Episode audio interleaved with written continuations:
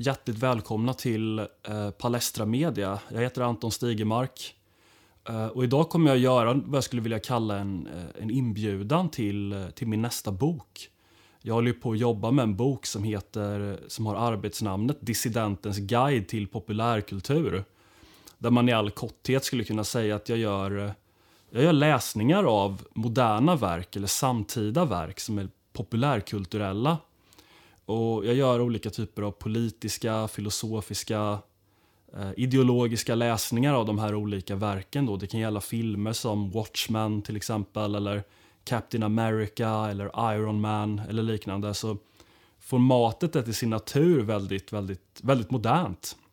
Och anledningen till att jag gör det är att eh, något som är väldigt populärt på konservativa håll det är att man, man tar sig an ganska gammal kultur. Man, man pratar om Iliaden och man pratar om Shakespeare eller vad det nu kan vara. Men jag tycker att det är mer intressant att, så att säga, ta pulsen på samtiden och faktiskt rikta in mig på vad, eh, vad människor idag konsumerar i sin, när de får sina kulturella begär tillfredsställda.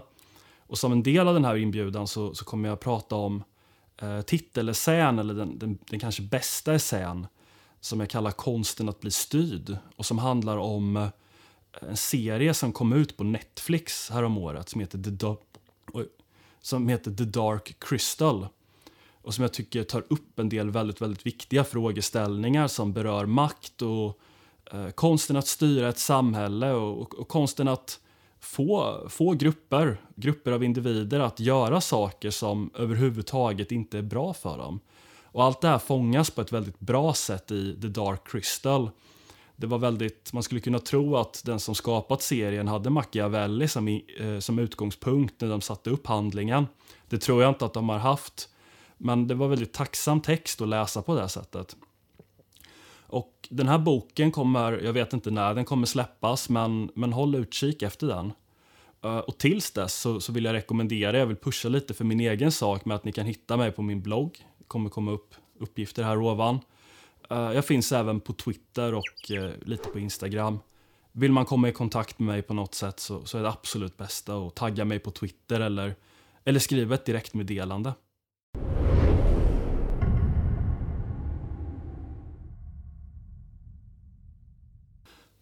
Man kan säga att utgångspunkten för The Dark Crystal och handlingen där är egentligen väldigt enkel. Och eh, det är lite förvånansvärt egentligen att en serie som är så som har det formatet som den har kan säga så väldigt mycket om, eh, om liksom relevanta samtidsfrågor. Därför att formatet i The Dark Crystal är en sorts blandning mellan, mellan dockskådespeleri och animering. Så formatet är lite, eh, lite barnsaga till sin karaktär vid en första anblick i alla fall. Eh, men det som är utgångspunkten för själva serien är att Eh, Eh, det finns en grupp som kallas för gelflingar som är en sorts alver. Och de här gelflingarna är väldigt, väldigt sympatiska till sin natur. De är väldigt trevliga. Det är lite, lite, lite tolkisk, eh, Tolkiens hobbitkänsla över dem. Men det som är problemet det är att de här gelflingarna styrs av en annan grupp som kallas för skexisar som eh, är en vedervärdig grupp för att uttrycka sig milt. De, eh, de, är hemska på alla sätt och vis. De har inga av de goda eh, egenskaperna som gelflingarna har. Och ändå är det så att eh, styr över gelflingarna. Och, och, inte med något särskilt tvång egentligen, därför att skräcksisarna har inga egna soldater. De har ingen egen apparat för maktutövning. De är en förhållandevis marginell grupp. De, de består av 10-12 individer och eh, eh, de, de har liksom inga riktiga tvångsmedel egentligen för att få gelflingarna dit de vill. Utan det som är är att de, eh, de har ju upprättat det här genom frivillighet helt enkelt. Det som man brukar kalla för maktens tredje ansikte då enligt statsvetaren Robert Dahl. Förmågan eller konsten att få någon att göra någonting som inte är bra för dem. Att, att förmå någon att göra någonting som går emot vad man kan kalla deras objektiva intressen. Eh, men på det sättet att de gör det frivilligt, det vill säga det är inga direkta tvångsmedel involverade. Och det som är handlingens utgångspunkt är väl att först lär man känna de här gelflingarna. Man lär känna deras kultur och vad, vad de är för typ av väsen. Uh, och det, det jag skulle säga om dem är att de har en, eh, man skulle kunna kalla en, en sunt, fredlig, konservativ och nationalistisk kultur. Det vill säga eh, gelflingarna är ett, de är ett folk som är väldigt sammankopplade med den värld som de lever i. Eh, den värld som de kallar för Thra, som är en, en planet. Och eh, gelflingarna har som kärnan i sin kultur det som man skulle kunna kalla det Burkeanska samhällskontraktet då, med inspiration från Edmund Burke.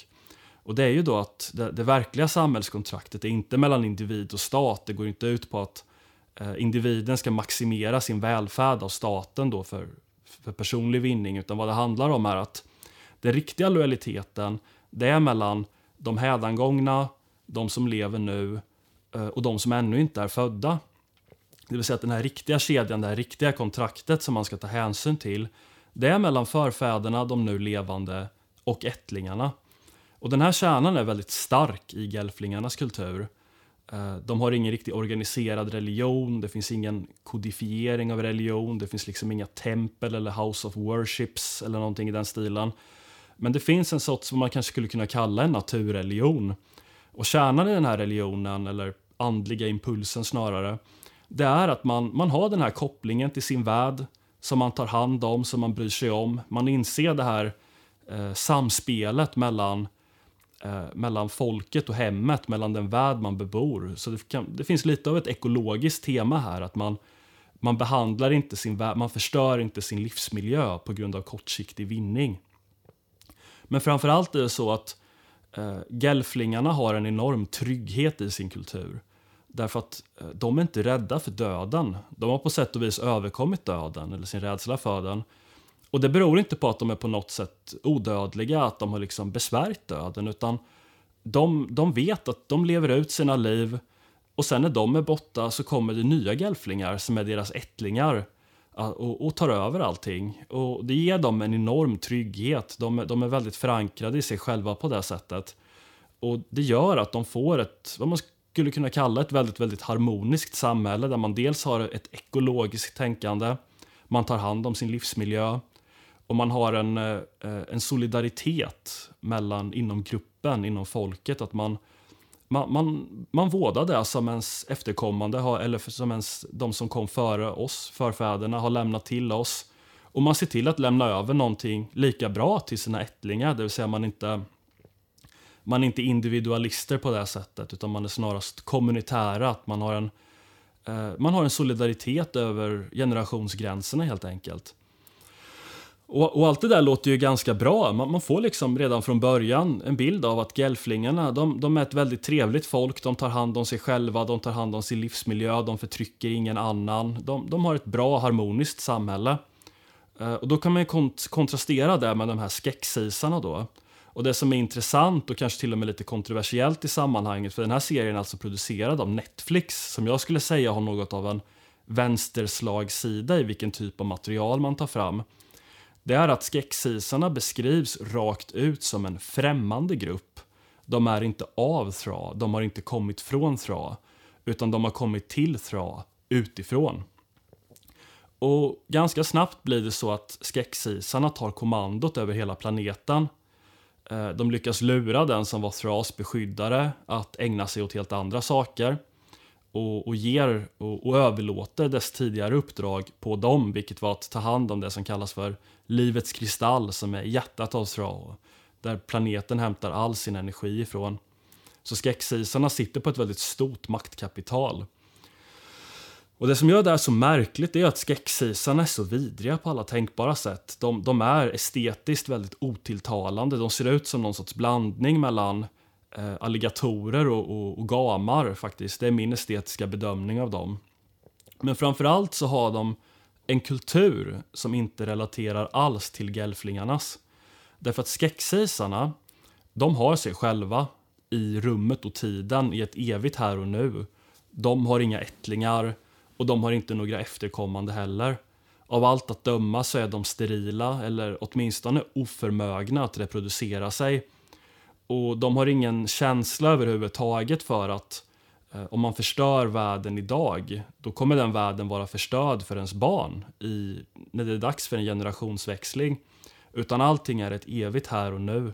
Skräcksisarna är dessutom hedonister, det vill säga eh, de har en etik där livet går ut på njutning, att ha roligt, att konsumera, att tillfredsställa sina omedelbara behov utan någon tanke överhuvudtaget på, på hur morgondagen kommer se ut. Och det gör ju att äh, gelflingar och skräcksisar kommer på tvären. För det man kan säga om det här är att de delar ju inte intressen. Det finns ingen anledning, det finns ingen rationell anledning till varför gelflingar skulle låta sig styras av skräcksisar.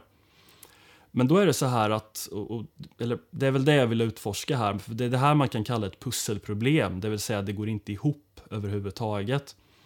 Men det som är, det är att skräcksisarna har under årens lopp lyckats implementera en myt eller en berättelse om sig själva och, skräck, eh, och gelflingarna och hur, deras, hur samspelet mellan dem ska se ut. Och någonting som man kan läsa om ganska utförligt i, eh, i James Burnhams böcker, det är en person som jag gärna refererar till, det är en av mina absoluta favorittänkare. Han skrev ju två väldigt, väldigt bra böcker som handlar just om om makten i samhället, hur man kan förstå makten, hur makten fungerar. Och det är en bok som heter The Machiavellians och sen en annan mer polemisk bok som heter The Meaning and Destiny of Liberalism där han går igenom de här sakerna.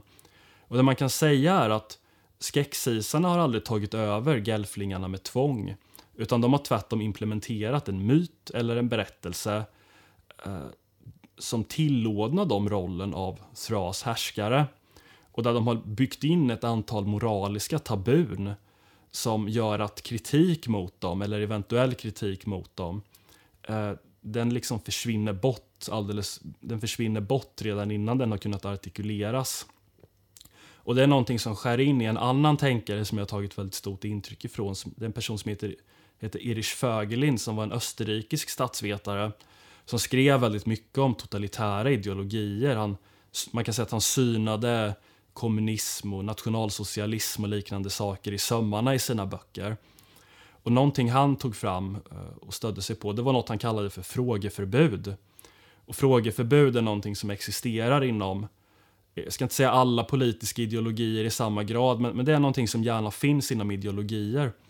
Och, och det, gör, det har liksom ingenting riktigt med yttrandefrihet att göra, utan det bygger egentligen på att varje gång utsikten för kritik uppstår mot ideologin eh, så kan man säga att man placerar kritiken i en kategori, en moraliskt nedvärderande kategori där personen inte ska tas på allvar. Det vill säga att en, någon som kritiserar marxismen eh, kan utan tvekan avfärdas som en klassfiende. Och en klassfiende behöver man ju inte ta på allvar. Det vill säga man, om en klassfienden påstår någonting så behöver man inte, man behöver inte motbevisa den personen empiriskt utan det räcker med att avfärda den som en klassfiende. Och, och, i den samtida svenska debatten så har det ju blivit så att personer som kritiserar invandringspolitiken de avfärdas som rasister. Och en rasist behöver man ju inte lyssna på för det är ju en ond person. Det är ju någon som är moraliskt klandervärdig och, och även om personen kommer med fakta så behöver man liksom inte bemöta de här fakta utan det räcker med, med det här avfärdandet utifrån att personen tillhör en moraliskt klandervärd kategori. Och skräcksisarna har liksom lite följt det blueprint, eller den, den karta man kan tala om som Burnham och Fögelin skriver om. Det vill säga, de har byggt upp en stark berättelse kring sig själva som är så stark att gelflingarna frivilligt refererar till skräcksisarna som, som herrarna och eh, trots att det finns väldigt stora skillnader dem emellan så ifrågasätter man aldrig någonting utan eh, man utgår ifrån att herrarna har, de har rätt i allting. De är ofelbara, de är till och med odödliga, de är, de är höjda bortom allting. Eh, och gelflingarna ska vara väldigt, väldigt tacksamma för att skexisarna skräcksisarna har tagit sig an dem och, och, och, står upp för dem och leder dem i rätt riktning och, det, och sådär. Och det kommer upp väldigt, väldigt många enskilda exempel på det här när, eh, när man kan säga att skräcksisarna faktiskt skadar gelflingarna rakt av och tar deras egendom och behandlar dem väldigt illa. Eh, men de, de reser ingen kritik mot det här utan de är tvärtom tacksamma mot herrarna som är så milda mot dem. Det kommer ta upp exempel när jag, när jag kommer in mer i handlingen. Men det som lite startar igång handlingen och liksom Eh, etablera någon sorts spänningspunkt i det här förhållandet då som när, när handlingen drar igång har existerat under flera hundra år det är att skräcksisarna har i sin rädsla för döden och i sitt försök att undfly döden eh, börjat kommit på att de kan dränera någonting som kallas för livets kristall. Och livets kristall är ju hjärtat av Thra. Det vill säga att om man förstör kristallen, då förstör man Thra också. Så att använda den här kristallen då och, och förstöra den för att förlänga sitt eget liv det, det, är lite som en orm som äter upp sig själv eller att, att såga av grenen man sitter på. Det, det är någonting som funkar eh, kort, men, men det, är liksom, det är självmord i det långa loppet. Men, men det bryr sig skräcksisarna inte om därför att de, de har ingen känsla för framtiden överhuvudtaget utan de har sig själva i, i, i nuet, här och nu i ett eh, evigt hedonistiskt njutningsögonblick. Men de blir påkomna i sitt förvärv Därför att de har dränerat kristallen till den grad att den inte går att använda längre. De har förstört den. Och, och när de har förstört den så har de också infört någonting som kallas för mörkelsen in i Thra. Det vill säga att deras handlingar har orsakat någonting som, som innebär en ekologisk katastrof för hela planeten. Men istället för att, som man kan tycka vore rimligt, Eh, ta ett grepp om det här och liksom försöka vända den här destruktiva process man, eh, man har inlett så gör man raka motsatsen. Det vill säga de, de tänker att ja, men nu har vi exploaterat de här resurserna. Vad är nästa resurs vi kan exploatera? Eh, och då kommer de ju snabbt på att det är gelflingarna som de kan exploatera. Så de, de tar en gelfling som arbetar i slottet. Gelflingarna är deras tjänare och väktare i det här slottet som de bebor och där de har sitt högkvarter. Eh, och dränera den här personen och omskapa den till någonting som de kallar för livsväsen. Som de kommer på då kan förlänga deras liv ytterligare om, om de dricker det. Fast såklart då på bekostnad av Gelflingen som har fått ge sitt liv för att det här ska bli verklighet. Och eh, de blir bevittnade i sitt förvärv av en ung soldat som heter Rian som arbetar på slottet. Och Rian ser då sin, eh, sin flickvän Mira bli dränerad, dödad av skräcksisarna. Och man kan väl säga att eh, det, det, sätter liksom, det blir det första tecknet på hur man kan få en berättelse att knaka i fogarna. Därför att Rian har ju växt upp hela sitt liv under eh, förståelsen att eh, skräcksisarna är väldigt goda, att de är bra, att de är herrarna och så vidare. Men nu ser han någonting empiriskt som gör att berättelsen krackelerar. Det vill säga berättelsen och verkligheten stämmer inte överens med varandra. Och det är ju ett sätt att utmana en berättelse och bereda väg för nästa berättelse. Det är ju vad eh, filosofi eh, eh, teoretikern, eller vetenskapsteoretikern Thomas Kuhn kallade för ett pusselproblem. Det vill säga att när man har en teoretisk utsaga som vill säga någonting och har sagt någonting om någonting väldigt länge och sen helt plötsligt så upptäcker man att empirin, observationerna inte stämmer. Då har man ett pusselproblem, där har man någonting som inte går ihop. Och det här blir en enorm kris för Rian såklart, därför att det är ju en avgrund som öppnar sig eh, under hans fötter. Att allt han har trott på i hela sitt liv visar ju sig vara falskt. Och han tvingas att fly från det här slottet då för att, för att varna de andra gelflingarna om vad som är i görningen. Eh, och skräcksisarna blir såklart lite panikslagna och bara oj, nu om han går ut och, och berättar sanningen om oss då kommer vi ju tappa allt, då kommer vi ju förlora hela vårt maktinnehav. Eh, men då är det en av skräcksisarna den mest politiskt slipade av dem, en, en figur som går under namnet hovmarskalken som säger att ingen kommer tro på Rian. Därför att de, eh, om gelflingarna slutar tro på oss, då slutar de också tro på sig själva. Att om de slutar att tro på ordningen, då är det kaos som kommer öppna upp sig under dem. Och, och, det vill de absolut inte göra, utan då, då, då vill man hellre misstro en av de egna, även ifall det inte finns någon anledning att inte lita på hans ord. Så Rian får ett enormt motstånd när han försöker få, få gelflingarna att vakna då för att använda en, en term som ofta används i Sverigevänliga kretsar. Men, men de vill inte tro på honom, utan de vill ha kvar den här ordningen som de har förlitat sig på under väldigt lång tid. Men det här sättet är ju inte det enda att utmana en berättelse på. Och på annat håll så finns det en annan gelfling som också utmanar berättelsen, om än på eh, från en annan vinkel skulle man kunna säga. Och man skulle kunna säga att den här gelflingen då, Brea, som är mer av en intellektuell figur än vad Rian är. Rian är en soldat, han är inte särskilt reflekterande, utan han, han ser vad han ser med sina ögon. Och när hans observationer inte går ihop med berättelsen så reagerar han på det. Man, man kan säga att han är en empirist på det sättet. Men Brea, hon är mer av en rationalist. Hon är mer av en sokratisk figur. Hon sitter långa dagar och nätter i biblioteket och läser om Thras historia och vad, vad gelflingarna eller vad skexisarna är och sådär. Hon, hon ställer frågor som systemet inte kan svara på. Till exempel så är det ju fallet att eh Eh, gelflingarna står ju för all produktion av mat och livsnödvändigheter som skräcksisarna sen får ta del av. Men då frågar sig Breet att om skräcksisarna nu är odödliga och står bortom allt det här, varför kräver de då våra resurser? Och det är ju märkligt, det kan man tycka.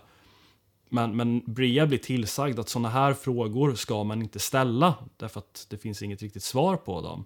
Och det är väldigt mycket i linje med Fögelins frågeförbud.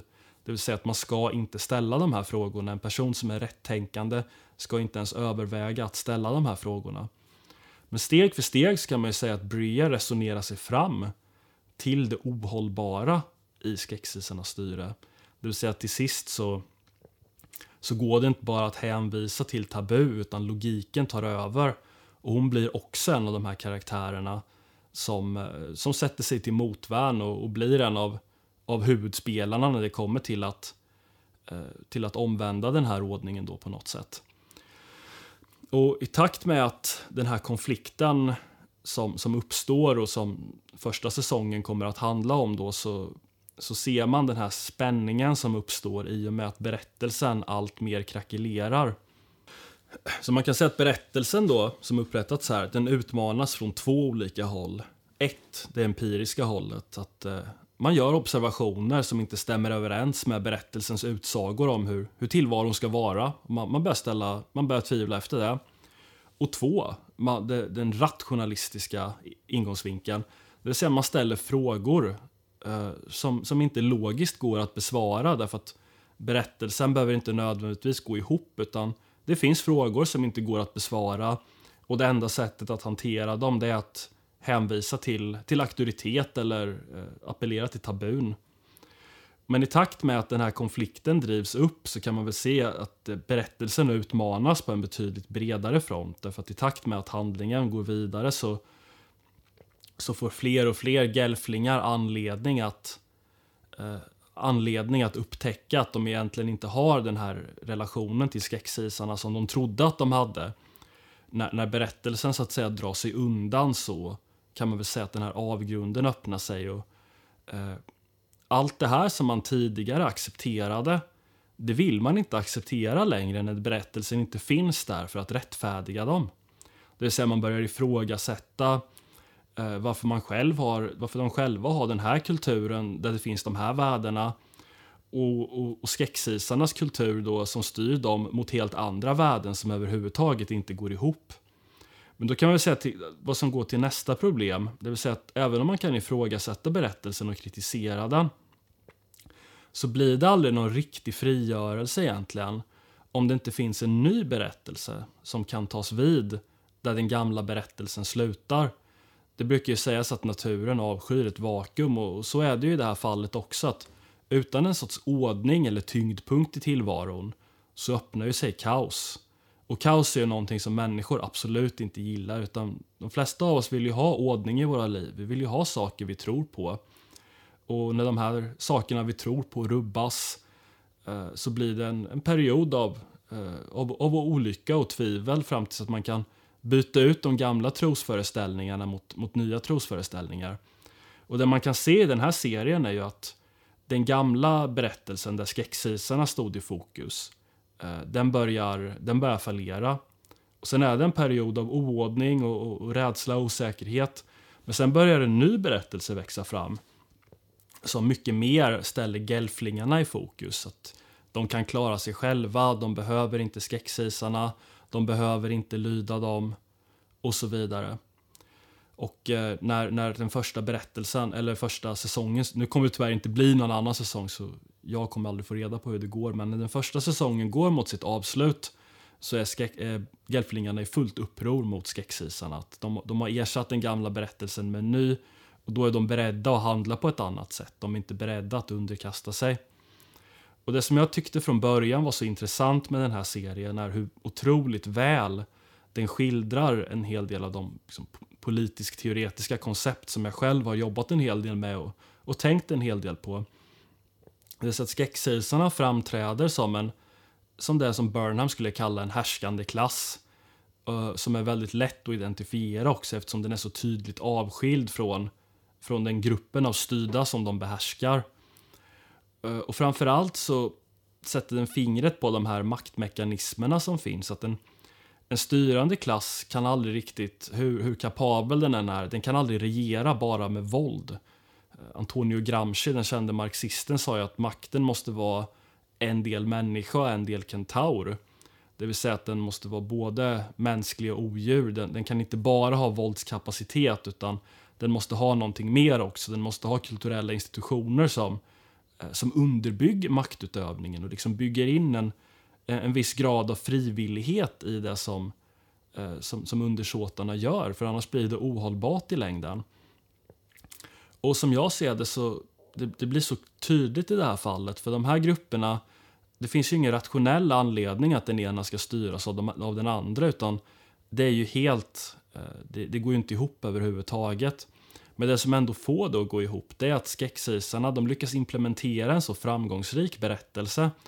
Som kan eh, legitimera deras maktanspråk, som kan släta över alla de här oegentligheterna som egentligen inte går ihop överhuvudtaget. De kan få gelflingarna att acceptera vad som i praktiken är ett förtryck. Men de lindar in det så mycket att det inte blir ett förtryck längre utan det blir bara någonting man gör frivilligt och till och med vill göra frivilligt. Och sen finns ju också den här, det man kan säga är fortsättningen på det här att berättelsen måste ju utmanas. Och jag har ju redan gått igenom de här sakerna på vilket den utmanas, det vill säga saker går inte ihop, frågor som inte kan besvaras och så vidare.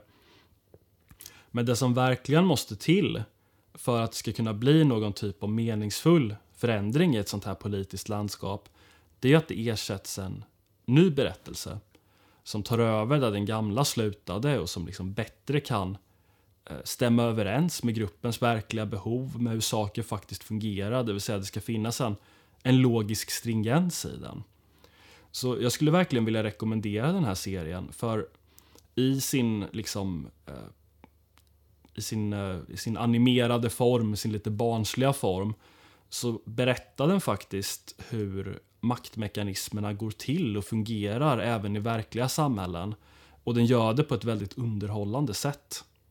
Jag skulle vilja säga att när någonting dramatiseras så är det så blir det som absolut bäst när det väver samman underhållning, det vill säga man tycker att det är kul att kolla på, och någonting faktamässigt, det vill säga någonting som faktiskt kan säga någonting om verkligheten och hur saker fungerar. Eh, och den här serien är faktiskt, om man förstår den på rätt sätt, om man sätter den i sitt sammanhang, eh, en väldigt bra inblick i hur politiska system faktiskt fungerar.